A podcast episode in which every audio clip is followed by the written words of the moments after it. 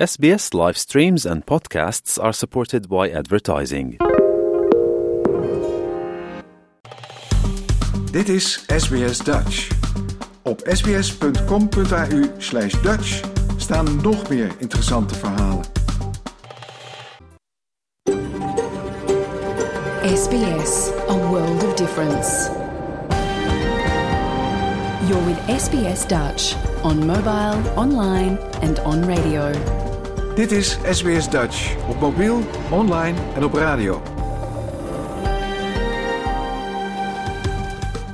Graag erkennen wij de traditionele eigenaren van het land van waar we vandaag uitzenden. SBS Dutch betuigt daar respect aan de Camaragal mensen en hun ouderlingen uit het heden en het verleden. Ook erkennen we de traditionele eigenaren van alle Aboriginal en Torres Strait Islander landen van waar u vandaag naar ons programma luistert. Een hele goede morgen. Mijn naam is Paulien Roesink. Het is zaterdag 10 december en u luistert naar SBS Dutch, het Nederlandstalige radioprogramma van SBS. Vandaag bellen we natuurlijk met onze man in Qatar, Jaap de Groot. Nederland speelde eerder vandaag tegen Argentinië en dat liep helaas niet goed af.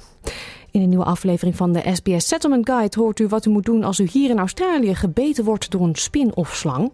Ook hoort u, hoort u het bijzondere verhaal van Monique en Erwin van Vliet die te paard door Australië reizen. En we hebben natuurlijk het willekeurige weekoverzicht voor u. Dat en muziek allemaal straks. Nu eerst het nieuws.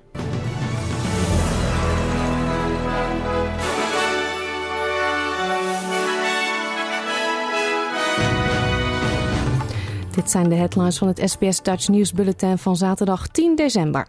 Belastingdienst doet invallen bij bedrijven om illegale software. Gevaar voor bosbranden in South Australia en Nederland uitgeschakeld op het WK voetbal.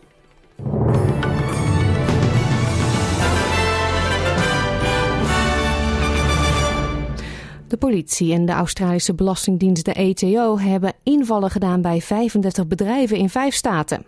De acties zijn onderdeel van een internationaal hardhandig optreden tegen het gebruik van software om belasting te ontduiken. Op hetzelfde moment werden ook invallen gedaan in het Verenigd Koninkrijk en de Verenigde Staten.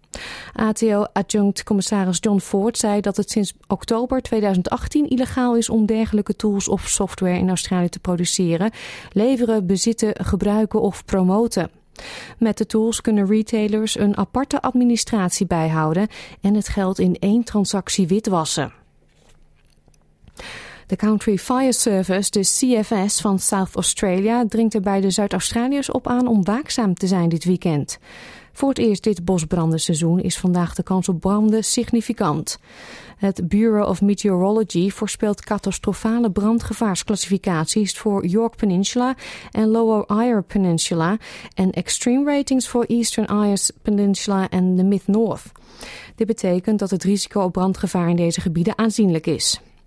CFS Chief Officer Brett Laughlin zegt dat het publiek zich bewust moet zijn van de weersomstandigheden en na moet denken ook over de activiteiten die ze vandaag en morgen ondernemen.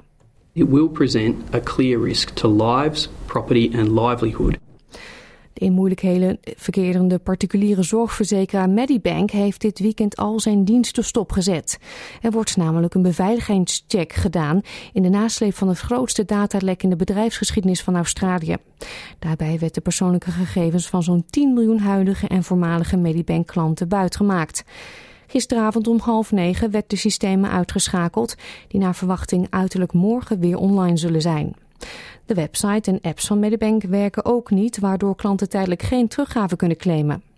De beoordeling wordt uitgevoerd door Microsoft beveiligingsexperts uit de Asia-Pacific region. Het leger des Heils zegt te merken dat steeds meer gezinnen het tijdens de kerstdagen moeilijk hebben door stijgende kosten van levensonderhoud.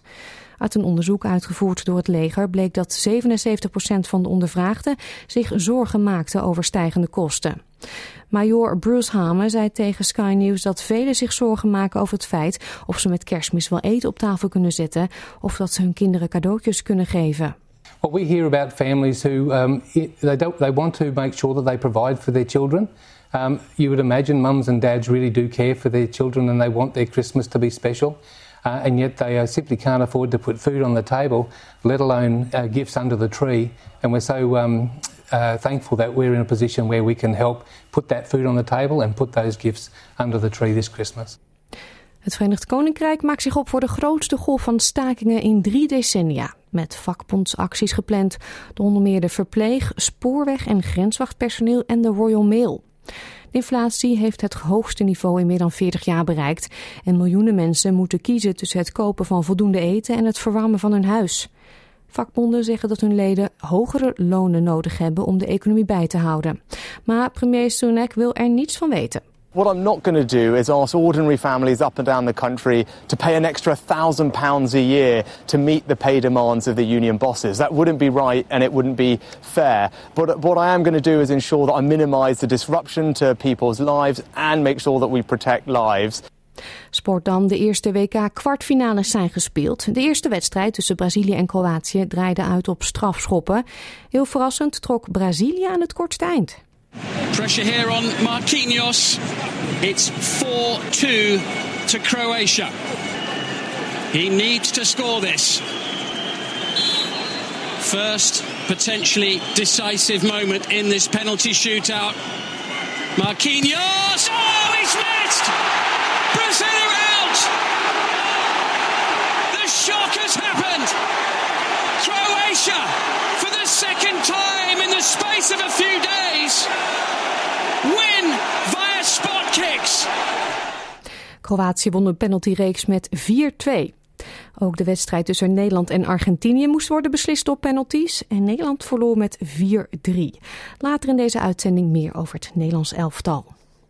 De wisselkoers dan voor 1 Australische dollar krijgt u 65 eurocent. En 1 euro is op dit moment 1,55 dollar waard.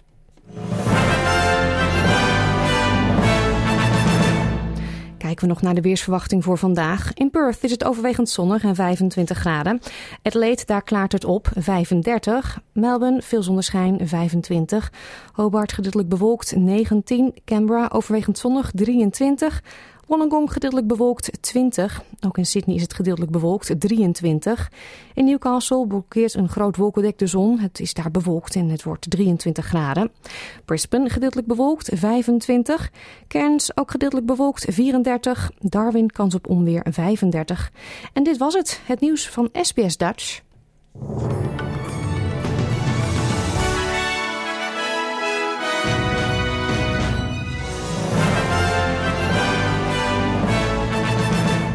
Nogmaals een hele goede morgen en welkom bij het Nederlandstalige radioprogramma van SBS, SBS Dutch. Straks praten we bij met sportjournalist Jaap de Groot. Hij is in Qatar. En ja, we moeten natuurlijk even over Nederland-Argentinië hebben. Maar eerst een bijzonder verhaal. De droom om een eigen paardenranch te beginnen bracht Monique en Erwin van Vliet ruim 20 jaar geleden naar Australië. Jarenlang stond hun leven bijna 24 uur per dag in het teken van de dieren. Het non-stop harde werken eiste uiteindelijk zijn tol en Erwin raakte in een depressie. Om er mentaal weer bovenop te komen nam het stel een drastische beslissing. Ze verkochten namelijk hun ranch in WA en reizen nu al twee jaar fulltime te paard door Australië. En onderweg zamelden ze geld in voor Beyond Blue. Over dit bijzondere avontuur wilde ik graag meer horen en dus belde ik onlangs met Monique. Dit is SBS Radio Dutch. Monique, de dag dat wij elkaar spreken zijn jullie twee jaar onderweg. Klopt, ja, je hebt de perfecte dag uitgezocht. Zijn die twee jaar snel gegaan? Ontzettend snel. Ja, je, um, je bent aan het plannen en um, ja, je kijkt er heel lang naar uit. En dan op een gegeven moment ben je op weg en dan denk je eerst van, oh, we moeten naar Albany, dus dat is 300 kilometer. Oh, we gaan naar Esperance. En opeens kijk je op en denk je, oh mijn god, we zitten al helemaal in, uh, in, in Queensland en twee jaar is voorbij en 8.500 kilometer hebben we gereden. Hmm, wat bracht jullie tot de beslissing om de ranch te verkopen, de meeste paarden weg te doen en met paard en wagen, een elektrische wagen dan wel, uh, hond geloof ik, uh, de weg op te gaan? Ja, wij zijn twintig jaar geleden naar Australië gekomen, geïmmigreerd. We wilden iets met paarden beginnen, dus we zijn een paardenranch begonnen. Dus Erwin die heeft paarden ingereden, getraind. Uh, we deden toeristen rondleiden in het bos, uh, lessen geven, van alles. En dat was hartstikke leuk. We hebben het allemaal opgebouwd. En, maar op een gegeven moment is het is, 24 uur per dag ben je daarmee bezig. Het is hard werk, het is moeilijk. Het is, en op een gegeven moment werd het gewoon een beetje te veel. Dus je doet echt je hart en ziel ergens in stoppen. En op een gegeven moment neemt het meer dan dat je er terug van krijgt. Dus Erwin die, die raakte eigenlijk in een depressie en wel anxiety zoals ze het hier zeggen. En het werd erger en erger. Dus op een gegeven moment heb ik gezegd van dit is niet meer leuk. We doen dit omdat we dit willen en niet omdat we het moeten. En ik zei van het zou goed zijn om wat anders te gaan doen. Dus ik zei, oh kom, we gaan uh, een rondje Australië doen. We, we waren in uh, 95, hebben we gebackpack rond Australië. Dus ik zei, dat was leuk, laten we dat nog een keertje doen. En toen had Erwin zoiets van, uh, nee, we zijn nog geen grey nomad. Ik wil niet met de caravan rond Australië, dat doet iedereen. en, voor, allemaal, hij had ja. allemaal dingen voor zich. Nee, dat ben ik nog niet. ja, inderdaad. Dus toen had hij zoiets van, ja, ik ben nog niet klaar met de paarden. Ik wil mijn eigen paarden inspannen genieten. Want je bent steeds met andere mensen en paarden bezig. En je eigen paarden worden zo een beetje in de wei gezet. En je doet er niet veel mee. Dus uh, op een gegeven moment had hij het briljante idee. Weet je wat? Jij wil reizen. Ik ga mee, maar ik rij. Ik neem mijn twee paarden mee en ik ga gewoon rijden. Ik zei, ja, dat is goed. Alles om, uh, om hem beter op andere gedachten te komen. En um, toen hebben we gekeken uh, hoe we het beste konden doen. En financieel was het gewoon heel moeilijk om de farm te blijven houden. En uh, toen hebben we de beslissing genomen om alles te verkopen. En uh, we hebben een vrachtauto gekocht, een paardenvrachtauto. Die hebben we omgebouwd. Uh, het voorste gedeelte is min of meer een leefgedeelte. En achter kan ik alle hooi en, en paardenvoer zo uh, meenemen. Dus ik ben de support vehicle. En Erwin heeft zijn twee paarden gehouden. En die rijdt gewoon elke dag. Daar heb je toch wel, om het maar op z'n Holland te zeggen, ballen voor nodig. Voor zo'n avontuur. Uh, ja en nee. Ik bedoel, we zijn ook geïmmigreerd. Dus toen hadden we ook zoiets van... Uh, we waren in Nederland, hadden goede banen. Uh, je hebt je huis, je hebt je auto, je hebt alles. We wilden geen kinderen. En dan ben je 30 jaar en dan denk je, nu wat? wat gaan we nu doen? En toen we, hebben we ook gewoon alles opgegeven en naar Australië gekomen. Dus het is gewoon een manier van leven, hoe wij zijn. Um, um, niet te veel zorgen maken, niet te ver vooruit kijken. Gewoon er proberen van te genieten als je in een situatie zit waar je je niet uh, prettig in voelt, ja, dan moet je er iets aan doen. En ja, wij zijn dan een beetje radicaal daarin. ja, want jij rijdt dus met uh, de trailer, zeg maar, en, en je man Erwin met de paarden. Of zit je ook ja. wel eens op het paard? Um, soms, maar ik ben niet zo gek als hem. Dus ik, uh, nee, ik doe de, de, um, alleen de prachtauto rijden. Dus ik, ik hou helemaal niet van autorijden of zo. Dus toen uh, kreeg ik opeens een vrachtwagen die ik moest rijden. dus dat was een beetje uit mijn comfortzone. Maar ik moet zeggen, um, het voelt als thuis. Het is eigenlijk een, een tiny home on wheels. Dus ik rij uh, elke dag uh, ehm, 30 kilometer of zo vooruit, vind een plekje en dan uh, komt Erwin naar mij toe en dan uh, zijn we weer s'avonds samen. Ja, dan heb jij het plekje uitgekozen, hij komt klaar eten. Kan je hem verzorgen of ben ik nou een ja. beetje te traditioneel aan het denken? nee, zo gaat het niet. Mensen zeggen altijd, maar wat doe je dan de hele dag? Dus dan ga je alleen maar zitten wachten daar of zo. Het is een fulltime job voor dit allemaal te doen. Want soms is het makkelijker, maar soms moet je veel plannen aan uh, eten inkopen, paardenvoer halen, hooi uh, vinden. Um, je moet je kleren wassen. Um, eigenlijk alles. Dus het is, um, het is een beetje net als thuis eigenlijk. Ja, je moet gewoon je huishouden rudden. Op, de, op wielen. Absoluut. Ja. absoluut. Dus, uh, en soms is hij, ligt er een beetje aan waar we reizen. hij is op het moment de National Trail aan het volgen. Dat is een lange afstandroute die gaat van Hillsville naar Dus dat is 5.500 kilometer. Het is voor paarden, uh, wandelaars en fietsers. Die gaat helemaal door de Great Dividing Range eigenlijk. Dus op sommige plekken daar kan ik niet met de vrachtauto komen. Dus dan gaat hij met de paarden en met zijn tent. Dus dan, hij heeft twee paarden. Dus één paard dat hij no normaal rijdt. En het andere paard heeft dan de pakzadels op. Waar een tentje in zit en zijn eten en alles. En dan gaat hij gewoon de berg in. En dan rij ik om de berg heen en uh, zie hem. Zie hem een paar dagen niet. Dagen, ja, later, ja. Ja, en valt het mee of valt het tegen? Ik bedoel, het, is een heel leuk idee hè, waar die mee kwam. En jullie, jij was gelukkig ook heel enthousiast. Kom, we gaan ervoor. Hey, Hoe lang heeft de voorbereiding geduurd? Um, het was niet zozeer voorbereiding. Het was meer, we hadden de boerderij te koop staan. En dat duurde een tijdje voordat het verkocht was. Het was net in de, in de COVID-tijd. Dus we hebben ongeveer twee jaar gewacht, gepland, teruggekocht. De truck hebben we helemaal opgeknapt van binnen en zo.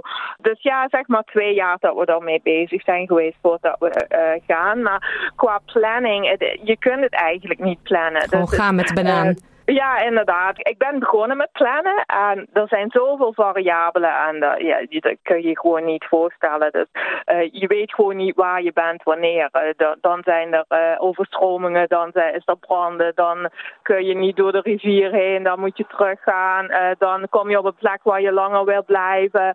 Dan hebben de paarden rust nodig. Dus je kunt het eigenlijk niet plannen. Je moet ook het grootste, en daarvoor hebben we het ook eigenlijk gedaan, je moet gewoon in de dag, in het moment gaan leven. En dat is, dat is echt wel gelukt. Dus het heeft Erwin ongeveer 3000 kilometer gekost voordat hij echt zijn rust en alles had gevonden.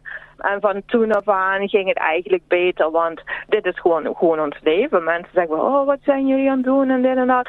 Maar wij hebben zoiets van, ja, eigenlijk, dit is wat we doen. Je staat op, je hebt je ontbijt, je zadelt de paarden, uh, je rijdt naar het volgende punt, je zet, zet je kamp op en dat is het. Dus um, er zijn zeker uh, moeilijke momenten geweest, maar over het algemeen is het, is het gewoon geweldig. Australië is zo'n prachtig land om te reizen, er is zoveel te zien, zoveel te doen. Um, je merkt dat mensen hartstikke vriendelijk zijn. Ze willen je alles geven, uh, helpen. Het is echt uh, heel goed geweest voor ons. Nou, dat is goed om te horen. Jullie zijn begonnen in het uh, zuidwesten van WA, hè?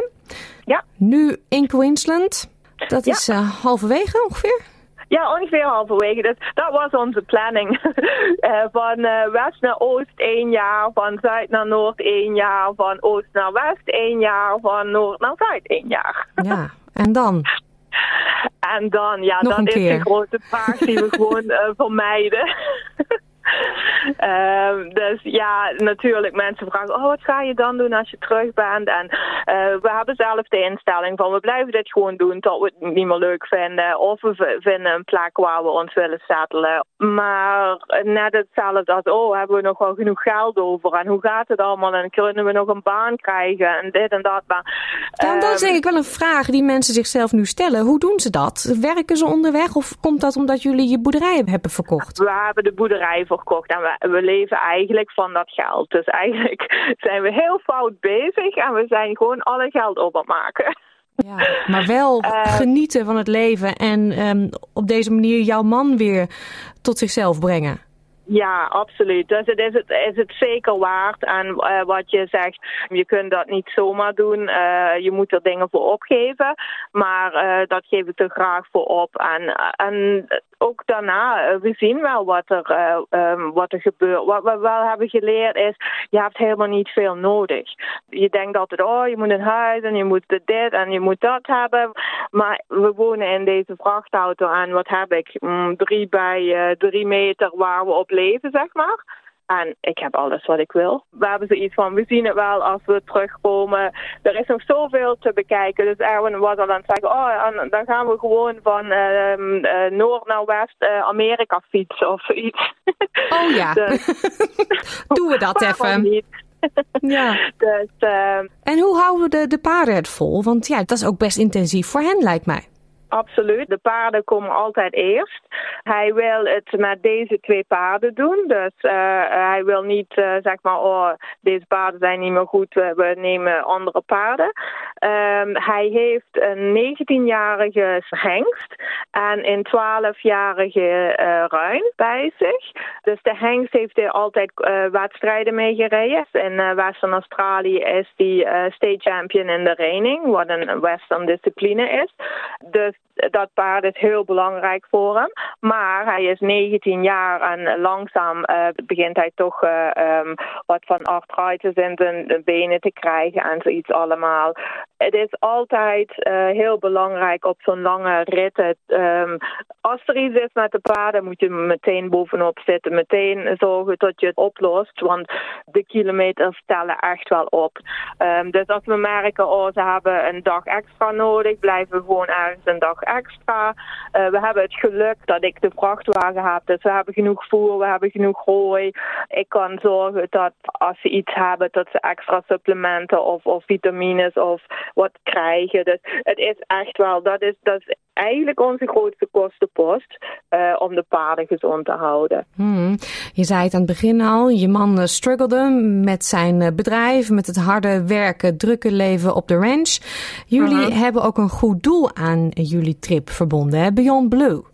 Ja, uh, voor, vooral um, met het bezig te zijn. Het is heel moeilijk om daaruit te komen. In het begin zit je echt in de put en is het een spiraal naar beneden. En het is heel moeilijk om jezelf op te pikken. En uh, als partner sta je daarnaast en je kunt ook niet zoveel. Dus soms heb je gewoon professionals nodig die je daarin verder helpen.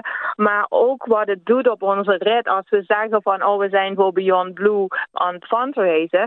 Dan komen mensen met hun eigen verhalen. Want ze horen dan Erwin zijn verhaal. En ja, je wil niet weten hoeveel mensen hun eigen verhalen hebben en hoe moeilijk ze het hebben gehad. En dus het opent echt wel het gesprek rond mental health.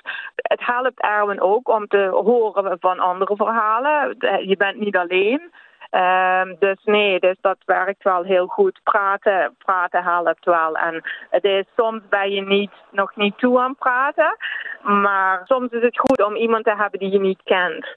Um, je, je omgeving is vaak, je wil, je wil je groot houden, je wil er niet over praten. Je denkt dat je het zelf allemaal wel kan. Maar als er dan iemand is die eruit is gekomen, die weet hoe het is, die iets anders is aan het doen. Mensen staan ervoor open en... Uh, ja, ik denk dat dat wel nodig is in, in deze maatschappij. Wat een geweldig avontuur. En wat goed om te horen dat uh, het goed gaat met Erwin nu. Dat hij helemaal zijn groove heeft gevonden zo met de paarden.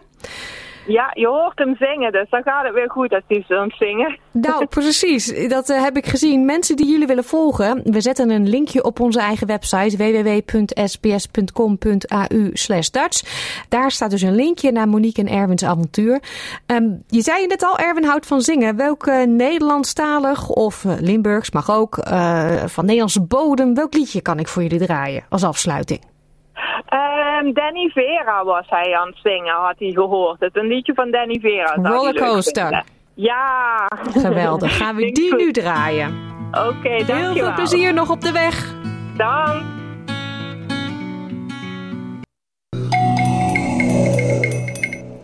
Ja, we moeten het even over voetbal gaan hebben natuurlijk. Nederland speelde eerder vandaag de kwartfinale tegen Argentinië. Lang leek Argentinië op een relatief gemakkelijke 2-1 overwinning af te stevenen. Tot die 101ste minuut. Diep in de extra tijd. Gakpo of Koopmeiners. Koopmeiners, variant. En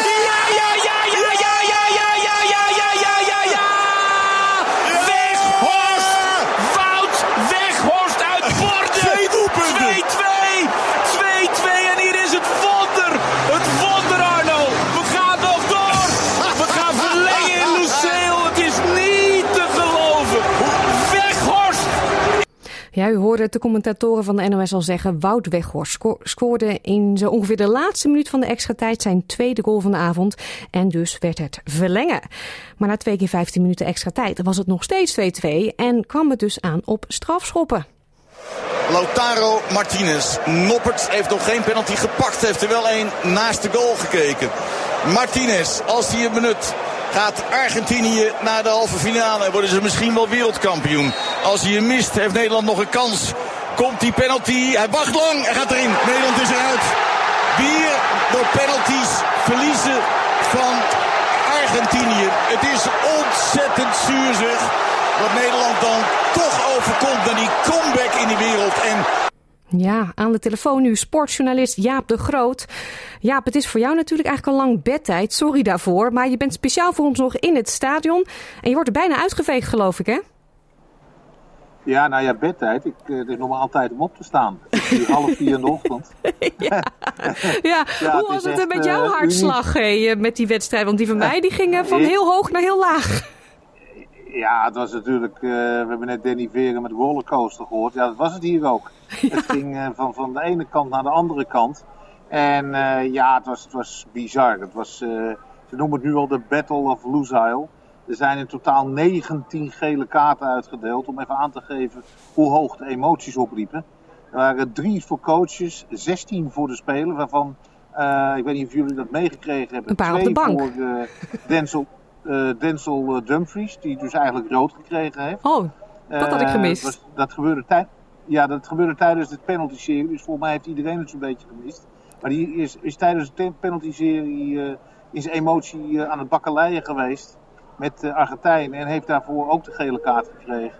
Dus dat was de tweede. Dus ja, het is, deze wedstrijd is niet ongemerkt aan de wereld voorbij gegaan. Dus dat... Nee, want ik zat me een beetje op te vreten voor die tv. Ik denk, nou, daar gaan we hoor. Dat uh, 2-0 heel lang. En toen uh, Wout Weghorst, die was op dreef. Bam. En echt op de valreep die tweede. Ja, maar, maar, ja maar, maar zo zie je maar. Kijk, we hebben natuurlijk de afgelopen weken naar, naar de visie van Louis Vergaal moeten luisteren. En het elftal moest daar invulling aan geven. En ja, het was eerlijk gezegd niet om aan te zien. Het was saai. Uh, het was on-Nederlands, het was niet dominant, het was afwachtend. Ja, en dan sta je met 2-0 achter. En dan ineens gaan alle remmen los. Dan wordt er niet meer aan uh, tactiek gedacht. Het is gewoon de beleving. En 100% inzet en, en, en gaan met die banaan. Ja, en dan, en dan kantelt. En dan krijg je zelfs die, die, die, die, die Argentijn op de knieën bijna. Hmm. Eigenlijk een beetje te vergelijken zoals de Australiërs, de Socceroos, Argentinië hebben aangepakt. Op een gegeven moment gewoon met je hart spelen. En dan zie je toch dat sport, dat voetbal geen wetenschap is, maar gewoon ja, uh, uh, de wil om te winnen, gekoppeld aan talent. En ook een beetje de eigen inbreng van spelers. Ja, je zei net al die emoties. Uh, dat was tijdens die reguliere speeltijd ook al even. Hè? Die halve bank die kwam het veld in. ja, nou ja, het was, het was, het was, ja die werd ook aardig getackeld. Want ja. die heeft gekeken bij de training van het Australisch rugbyteam. Want uh, die werd echt in de scrum genomen, dat wil je niet weten. Maar, uh, nee, maar voor de rest, ja. Het, het, is, het is, daar zit je toch een beetje uh, met mixed feelings naar, naar terug te kijken op het toernooi. Je, je, je vraagt je af waar, waarom ja, die, die laatste, dat, dat laatste half vanaf de 70ste minuut van de wedstrijd, waarom kon het toen ineens wel? Als je dan gewoon naar de statistieken kijkt, tot de 70ste minuut, Nederland had niet één schot op doel gegeven. Nee. Ja, en dan ineens staan ze 2-0 achter. En dan, dan, uh, dan, dan komen Luc de Jong erin, komt Wout Weghorst erin. Er worden gewoon lange ballen. Het heeft niks meer met tactiek te maken, maar puur van pompen erin en uh, kijken wat schipstrand. Ja, en, en dan, dan, ja, dan gebeurt er toch iets. En dan denk ik toch, ja, hou het, Louis Vergaal had het in godsnaam simpel gehouden. Had op 4-3-3 gezeten. Maar als je nu analyseert, dan zie je gewoon dat Virgil van Dijk Jurjen Timber en ook Denzel Dumfries hebben gewoon nooit echt in een comfortzone kunnen spelen. Ze moesten anders voetballen dan bij een club gewend waren. En werden daardoor kwetsbaar. En, en ja, mede daardoor ontstond er een soort sneeuwbaleffect in het elftal. Waardoor de synergie ontbrak. Die normaal gesproken bij de Nederlandse ploeg uh, hoort te zijn. Weet je? De automatismes. Dat je intuïtief elkaar uh, weet waar, waar, waar, waar, de ander loopt. Hmm. Wat je heel goed kon zien met het doelpunt van, van Argentinië. Dat Messi die opening vindt. Ja, dat was gewoon. Dat is, ja, dat is de zogenaamde six sense. En dat ontbrak gewoon bij Nederland te vaak dit toernooi. Omdat ik had het gevoel dat de spelers te veel aan het nadenken waren over de afspraken die er over de tactiek waren gemaakt. Hmm. Dan denk ik, nou jongens, dat is gewoon zonde. En gelukkig is het dan zo dat, dat de laatste herinnering beklijft. En dat is dan wereldwijd dan toch van een elftal wat strijden ten onder is gegaan. En dat is gelukkig maar, want dat, ik was echt bang dat, dat, dat het toch als een soort uh, nachtkaas uit zou gaan. En dat Nederland, de, de deelname van Nederland aan het WK 2022 uh, zou worden omschreven door de internationale media als een grijze muis optreden. Nou gelukkig, dat hebben we met het laatste half uur dan ook nog twee keer 15 minuten van de verlenging en de strafschoppenserie weten te voorkomen. Ja, laten we, laten we ook even naar Van Gaal luisteren. De NOS sprak direct na afloop van de wedstrijd, nog voor de persconferentie waar jij ook heen bent geweest, uh, met hem. En ja, hij baalde natuurlijk enorm van die penalties. Ja, als je 2-0 achter komt te staan, ook nog door in mijn ogen een dubieuze penalty. Ja, en je komt dan zo terug. En dan heb je het hele jaar op penalties geoefend. Ja. En dan uh, verknal je toch met de penalties. Nou, dat is jammer. Ja, ik hoor een beetje verslagenheid in zijn stem. Dat is ook wel logisch. Hoe zat hij erbij tijdens de persconferentie? Ja, toch, toch. Uh, eigenlijk, ja, moet ik zeggen, toch een beetje in zijn eigen wereld. Hij was uh, heel rustig, maar ook een beetje, ja, alsof hij het nog niet kon bevatten. En hij zei ook van, ja, de spelers zitten als, zitten als dode vogels op dit moment in de kleedkamer. En ja, wat hem vooral veel pijn heeft gedaan, dat juist het risico wat hij wilde mijden, dus weer, net als in 2014, met penalties te ondergaan, uh, door, door, door, de, de, door de penalties wetenschappelijk ook te, te begeleiden uh, bij de spelers. Dus, dat, ze, dat de, hun penalties werden geanalyseerd door wetenschappers en dan kregen ze allerlei tips. En uh, ja, dat het toch niet uh, goed heeft uitgepakt. En eigenlijk geen effect gesorteerd heeft. En ja, dat ik, ik, dan denk je toch, ja, hoe kan dat? Dat is, is dan toch de emotie en de druk van zo'n van zo'n serie. En ja, dan zit ik zo naar zo'n penalty van Virgil van Dijk te, te kijken. Dan denk ik, ja. ja, als dit wetenschappelijk begeleid is, dan is les 1 dat je een goede aanloop neemt. He, dat, is, dat, dat, dat, dat, dat is de basis. Dat je liever tot de rand van de 16 staat. En dat je dan een, een goede aanloop neemt, waardoor je het overzicht houdt. En dan uh, dat je op het laatste moment nog naar links en rechts alle kanten op kan. Ja, dan zie je dan toch dat hij twee, een twee stappen penalty neemt. Waarbij hij al eigenlijk gewoon zijn, zijn, zijn hoek telegrafeert naar de keeper. Dan denk ik, ja, weet je, en dan kan ik me voorstellen als, als coach. Dat je denkt, mijn god, hebben we daar alle inspanningen voor gedaan? Dan krijg ik dit uh, ervoor terug. Mm -hmm. En het zegt ook wel iets over, over zo'n druk van zo'n wedstrijd. Dat uitgerekend de persoonlijkheid en een routinier en de aanvoerder als Virgil van Dijk.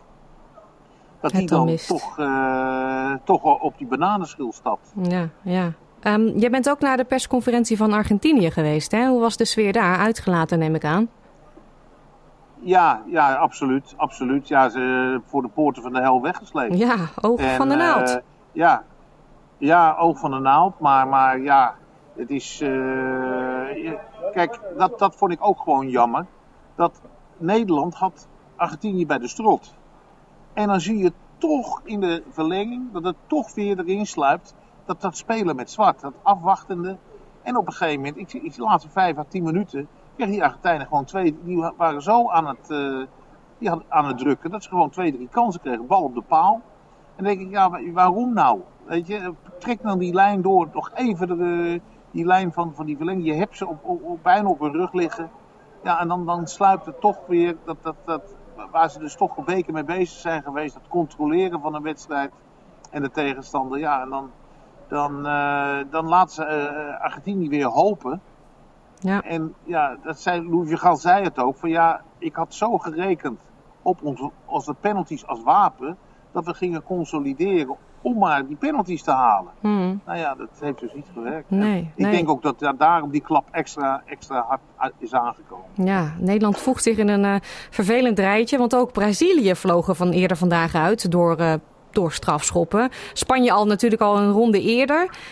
Ja, ehm, Kroatië tegen Argentinië wordt het dus. Ja. Dat wordt Ja. ook een gevecht, denk Ja, ik wel. Hè? Die Kroaten laten zich ook niet zomaar aan de kant spelen. Hebben we gezien. Nee, maar dit is een, week, dit is een WK wat van, van, van. Er is geen pijl op te trekken. Het is. eh, kijk, voor mij, ik heb voor het toernooi gezegd dat. Ja, heel gek. eh, niemand was het met. Niemand, ieder- iedereen zat aan te kijken of ik goed bij mijn hoofd was. Maar ik heb altijd gezegd: Engeland is voor mij nog steeds. eh, ik, ik schatte Engeland als wereldkampioen in. Vanwege het scorend vermogen. En je ziet ook weer. eh, Ze hebben ook op dit moment de meeste doelpunten gemaakt. En eh, ja, je zag ook weer met Brazilië, dat begint ook te, te sputteren als het, als het er echt op aankomt. Ze hebben niet echt een doelpunt te maken. En Engeland heeft dat in de persoon van Harry Kane. Ja, en vanavond zag je uh, weliswaar een geweldige goal van Nijmaar. Wat bijna net zo mooi vond als de beroemde goal van Maradona tegen Engeland in het WK van 86. De, Nijmaar op zijn eigen helft begint te dribbelen met uh, drie dubbele 1-2's. Helemaal alleen voor de keeper komt en dat afmaakt. Ja, het is een van de mooiste goals die ik ooit op een WK gezien heb. Hmm. En dan heeft hij toch niet het lef om als leider de eerste penalty of de tweede penalty te nemen. Wat Messi dus wel deed en ja. Virgil van Dijk ook. Ja. dat vind ik wel een verantwoordelijkheid die je als aanvoerder hebt. Ja, en dan, dan, dan uh, Nijmer doet het weer niet. Ja, en, uh, en uiteindelijk vliegt Brazilië eruit. Ja, ja en jouw Engeland. Toernooi, ja, ja, dat is zeker jammer. Uh, jouw Engeland moet morgen tegen Frankrijk. Uh, Portugal tegen Marokko. Deze wedstrijden zijn live en gratis te volgen bij SBS. Daarvoor, als u die wil kijken en meer informatie wil, ga dan naar sbs.com.au slash Dutch. En Jaap, ik dank jou nu en ik stuur jou nu heel snel naar bed. Ah, wat, zei je wat? Ik, ik lig al half te slapen. Oh ja, oké. Okay, nou, ga lekker verder. Ze bezem je vanzelf okay. eruit. Dankjewel. Oké. Okay. Jo, tot ziens.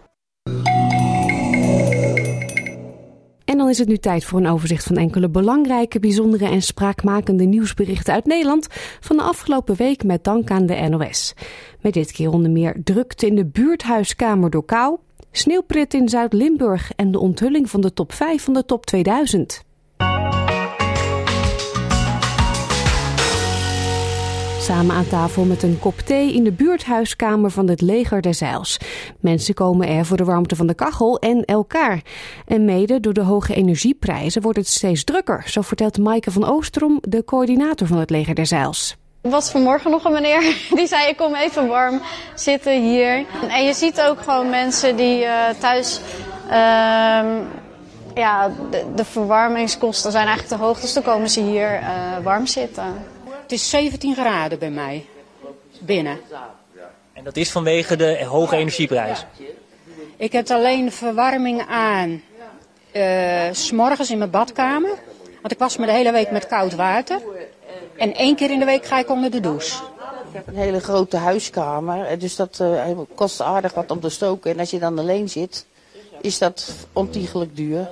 En dan zit ik hier gewoon gezellig. Ook de, de warmte van de mensen doet dan ook al veel goed twee keer in de week even aanwippen, even praatje maken. En ja, ik vind het wel leuk. En zeker uh, voor, voor de ouderen onder ons, weet je wel. Die, uh, er zijn heel veel mensen die zijn toch eenzaam. Voor niemand is geen makkelijke tijden. En het is gewoon zo. En ja, als iemand wat nodig hebt of iets. Of, uh, ja, mensen die, die doen hier haken, ze doen hier breien. Er worden hier net sjalen uitgedeeld uh, voor de warmte. En ja, en er worden hier gewoon leuke activiteiten ook gedaan. Eet smakelijk allemaal. Eet smakelijk. Sneeuwpret in het zuiden van Nederland. In Zuid-Limburg viel in het begin van de week een dun laagje sneeuw. En uiteraard zorgde dat niet alleen voor prachtige winterse plaatjes, die ik helaas op radio niet kan laten zien, maar er werd ook volop genoten van de sneeuw. Het is heel erg leuk. Het geeft gewoon een uh, goed gevoel. En het is ook gewoon leuk om in te spelen. Superleuk. In de morgen dacht ik eerst, het is natte sneeuw, dat is vies, maar daarna Um, toen ik buiten kwam had ik meteen al een sneeuwbal uh, gegooid. Leuk, ik heb gelijk een sneeuwpop gemaakt. Helaas bleven de sneeuwpoppen niet lang staan, want later op de dag liep de temperatuur alweer op. Vanwege inflatie en personeelstekort in de kinderopvang moet Marte Barends honderden euro's per maand meer gaan betalen voor de opvang van haar tweeling. De kinderopvangtoeslag gaat komend jaar namelijk niet extra omhoog omdat ze de opvang nog amper kan betalen, overweegt de basisschooljuf minder te gaan werken. Ik weet niet hoe ik dit moet oplossen. Want ik ben zelf juf. Uh, ik werk drie dagen. Er is al een lerarentekort. Als ik nu een dag per week ga opzeggen, waardoor het wel, uh, dan gaan ze nog maar één dag. Dan zou ik het kunnen betalen. Maar met die ene dag opgezegd, dan verlies ik mijn baan of dan, dan krijgt mijn directeur het rooster niet meer rond. Ja, dat, dat kan toch niet in deze tijd waarin ze juist zeggen dat iedereen aan het werk moet en er zijn al tekorten overal. Eigenlijk zegt iedereen hetzelfde. We begrijpen het, maar we kunnen er niks aan doen. We blijven nog even in de hoek van het onderwijs. Enkele weken geleden melden we al in ons willekeurig weekoverzicht dat Velse asielzoekers ging onderbrengen op een oude cruise ship. En het is de gemeenschap gelukt om in korte tijd onderwijs te organiseren voor de kinderen van de asielboot. Nou, deze kinderen die, uh, wonen momenteel op de vluchtelingenboot in uh, Velsen Noord. En uh, de kinderen hebben recht op onderwijs. En op deze school hebben we ons best gedaan om zo snel mogelijk klassen in te richten. waar deze kinderen uh, onderwijs kunnen krijgen. Het is heel leuk. Heel leuke juffen en vrienden. En kun je wat vertellen over wat je hier, wat je hier doet op school? Leren, uh, lezen, rekenen woorden, woordenschat. Waar je eigenlijk mee begint is uh, de kinderen te laten landen. Dus het is belangrijk dat kinderen zich uh, veilig voelen. Op het moment dat een kind zich niet veilig voelt, kan het ook niet tot leren komen. Dus de eerste weken zijn we echt bezig geweest met zorgen dat ze zich veilig voelen. Dat ze zich uh, gewenst voelen, dat ze het fijn hebben. En dat hebben we gedaan door heel veel te spelen, door veel werkjes te maken, gezellig samen te zijn. En de kinderen het gevoel te geven, je bent hier veilig. En ja, daarnaast verschrikkelijk veel Nederlandse taal aanbieden, want dat is waar het om gaat. En dan begin je met woorden die ze alle dag, elke dag nodig hebben. Dus denk aan schaar, potlood, lijm en dat soort taal. Ze kijken er ook echt naar uit om naar school te gaan, want hier uh, kunnen ze leren, kunnen ze spelen, kunnen ze met leeftijdsgenootjes samen zijn en kunnen ze ook hun toekomst uh, opbouwen. Veel mensen hebben dit jaar minder geld te besteden, maar kerstboomverkopers merken daar tot nu toe weinig van. De NOS vroeg aan enkele mensen die op kerstbomenjacht waren of ze dit jaar ook gaan bezuinigen op de kerstboom. Nee, niet echt. Niet echt. Nee, we hebben altijd wel bewust een, uh, zo'n boom zo rond de 1,50 meter. Dus we kijken niet naar uh, of het naar 1 of 2 euro duurder of goedkoper is. Uh, met het uitzoeken van een kerstboom niet. Nee. Nee, totaal niet. Nee, nee, nee, niet aangedacht. Nou, niet echt, nee. Nee, nee, nee, nee, nee. Ik denk dat de prijsklasse ongeveer hetzelfde is gebleven. Er, zal, er is niet zo gek veel bijgekomen, denk ik. Oké. Okay. Die voor u mag je die binnen afrekenen doe ik keer aan de De prijzen zijn uh, gelijk gebleven of heel licht gestegen. Maar zeker niet met de inflatie die, uh, die we momenteel horen.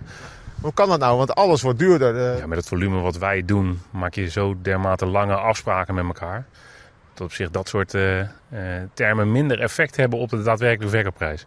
We kopen sowieso een kerstboom. En of ik hem nou hier of daar haal, dat maakt volgens mij niet heel veel uit. U bent niet anders gaan inkopen? Nee, we zijn absoluut niet anders gaan inkopen. Dit is ook een moment om een relatief klein bedrag uit te geven voor een boom die toch een maand bij jou de huiskamer opvrolijkt en uh, lekker laat ruiken. Nog over gedacht om dit jaar wat te bezuinigen op de kerstboom? Nee joh, die paar dagen dat we het gezellig hebben, moeten maar een beetje, dan gaan we wel ergens anders op bezuinigen. Toch? Nee, een flesje wijn minder. Wat in december 1999 net voor de millenniumwisseling begon als een eenmalig event, is inmiddels uitgegroeid tot een van de grootste radio-events in Nederland. De Top 2000 van Radio 2. Vorige week kon er weer gestemd worden voor de lijst en de grote vraag is dan altijd welk nummer bovenaan staat. Deze week werd de top 5 bekendgemaakt. Dit is de top 5 van de NPO Radio 2 Top 2000 van 2022. 5. Fix You, Coldplay.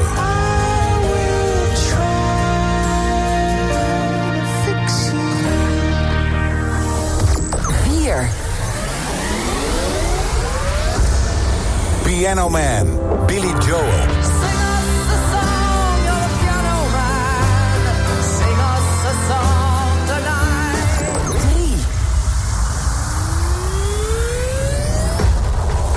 Hotel California, Eagles. Welcome to the Hotel California. Such a lovely place, such a lovely place, such a lovely place. Twee.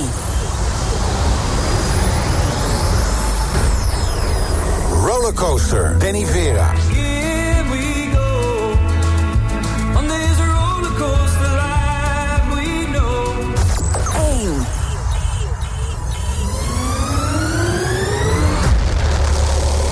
Bohemian Rhapsody, Queen.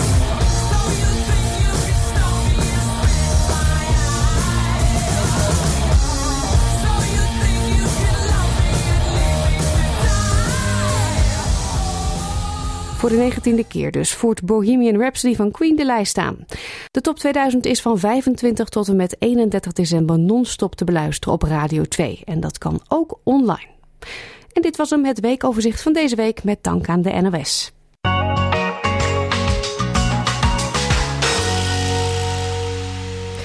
In tegenstelling tot wat vaak wordt gedacht, veroorzaken de meeste spinnenbeten in Australië minimale schade en komen beten van giftige slangen niet zo vaak voor. Toch is het van belang om te weten hoe te reageren in het geval van een beet, aangezien sommige beten levensbedreigend kunnen zijn. U hoort er nu meer over in een nieuwe editie van de SBS Settlement Guide, samengesteld door Zoe Tomaidu en vertaald door SBS Dutch. SBS Dutch, woensdag en zaterdag om 11 uur 's ochtends of online op elk gewenst tijdstip.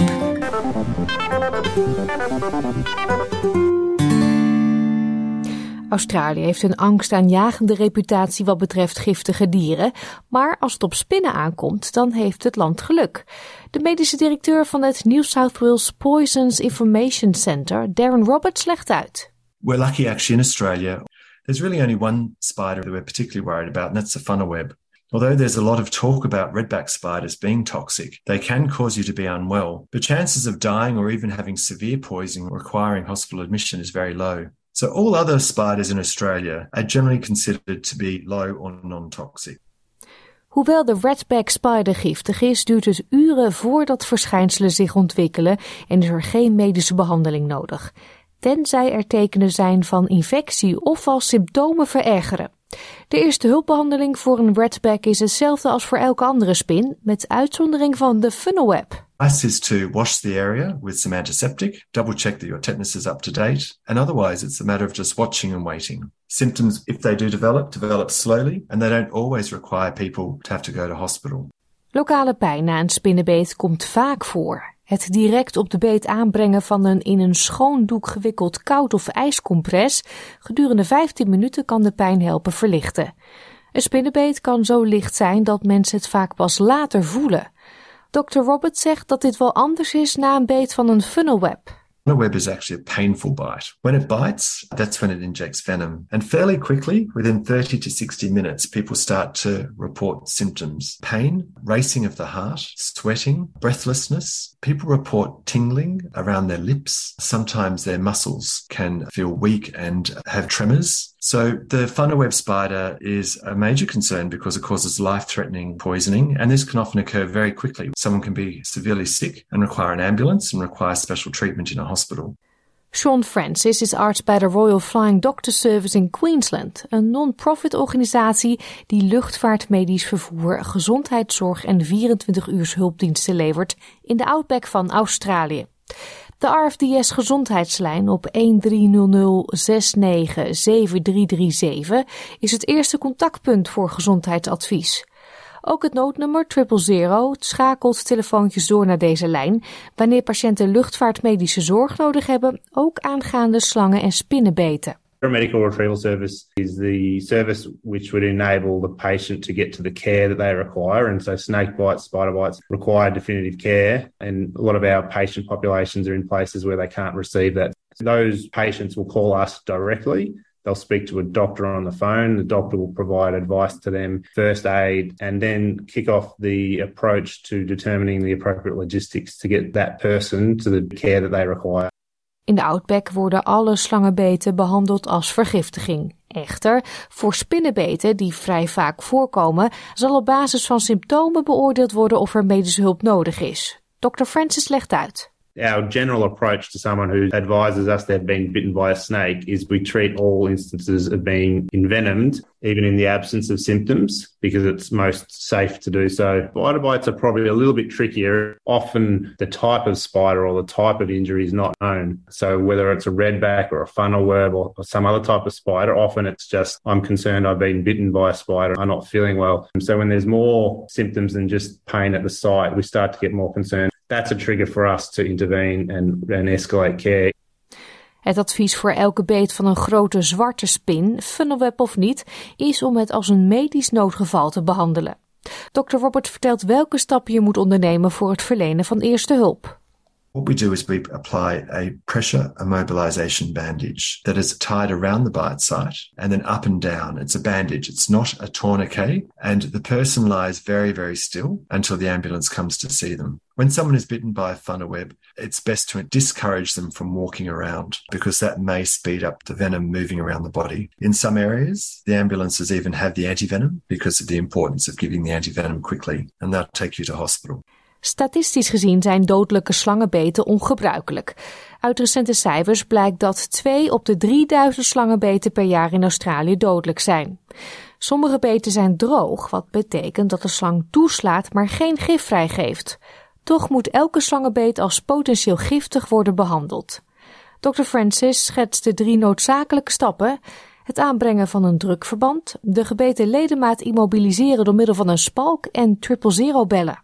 Any snake bite needs to be managed with the same first aid, regardless of symptoms or concern about being a dry or venomous bite. So, any instance where we think a snake has bitten a patient, we instigate the same first aid, which is a pressure immobilization bandage, immobilization, splint, and medical care for all of those patients. Jenny Hodgson is een erkende slangenvanger in Regional Victoria. Sommige soorten giftige slangen komen vaker voor, maar hij zegt dat zelfs een niet-giftige beet problemen kan veroorzaken. Tiger snakes and brown snakes are probably the most commonly seen. Copperheads are really close behind. Red-bellied black snakes are common, but they are seen less than the other guys. But even a, a python, it is a good idea to move them away from house. You might have pets that, you know, might interact with it and children might interact and they might get bitten by the python. Not venomous, but, you know, they could have bacteria and stuff that could be bad. Plus, no one really likes to be bitten anyway. Slangen zullen waarschijnlijk niet aanvallen, tenzij ze zich bedreigd of bang voelen. Meneer Hodgson heeft enkele tips voor wat u niet moet doen als u een slang tegenkomt. don't really make big noises simply because if you're really close to it, that's going to set it into a defensive mode and it might lunge at you because it needs to protect itself. Make yourself known by sort of like moving around. This is like if it's in within, say, two or three meters, make yourself known by moving around and just back away from it, really. If you're standing on top of it accidentally, like you're walking along and suddenly you stand and it's like 30 centimeters from you, just stay dead still. Let it move. It's to keep on going on its way. It just hasn't noticed that you're there yet. Mensen die niet zeker weten wat ze moeten doen na een spinnenbeet, kunnen bellen met het Landelijke Informatiecentrum voor Gifstoffen, aldus Dr. Roberts. You can always get advice from the Poison Centre on 13 11 26. The phone is answered by a trained expert 24 hours a day, seven days a week, who can help to provide advice about what is the best thing to do. Maar bij alle slangenbeten moet u uit voorzorg onmiddellijk triple zero bellen voor het geval het een noodgeval wordt. If you're with anyone who has been bitten by a snake or spider and they are not themselves, for example, they look like they're confused, they collapse, they have any severe pain or other marked symptoms, don't hesitate. Call triple zero. Deze settlement guide werd samengesteld door Zoe Tomaidu. En hiermee komen we aan het einde van deze aflevering van SPS Dutch. Wilt u dit programma of een van onze eerdere verhalen nog een keer beluisteren? Ga dan naar onze website www.sps.com.au Dutch. Ja, het zit erop. We sluiten nog af met één liedje. En dat is natuurlijk De Kapitein deel 2 van Akda de Munnik. Ik wens u een heel fijn weekend en graag tot volgende week. Like, deel, geef je reactie. Volg SBS Dutch op Facebook.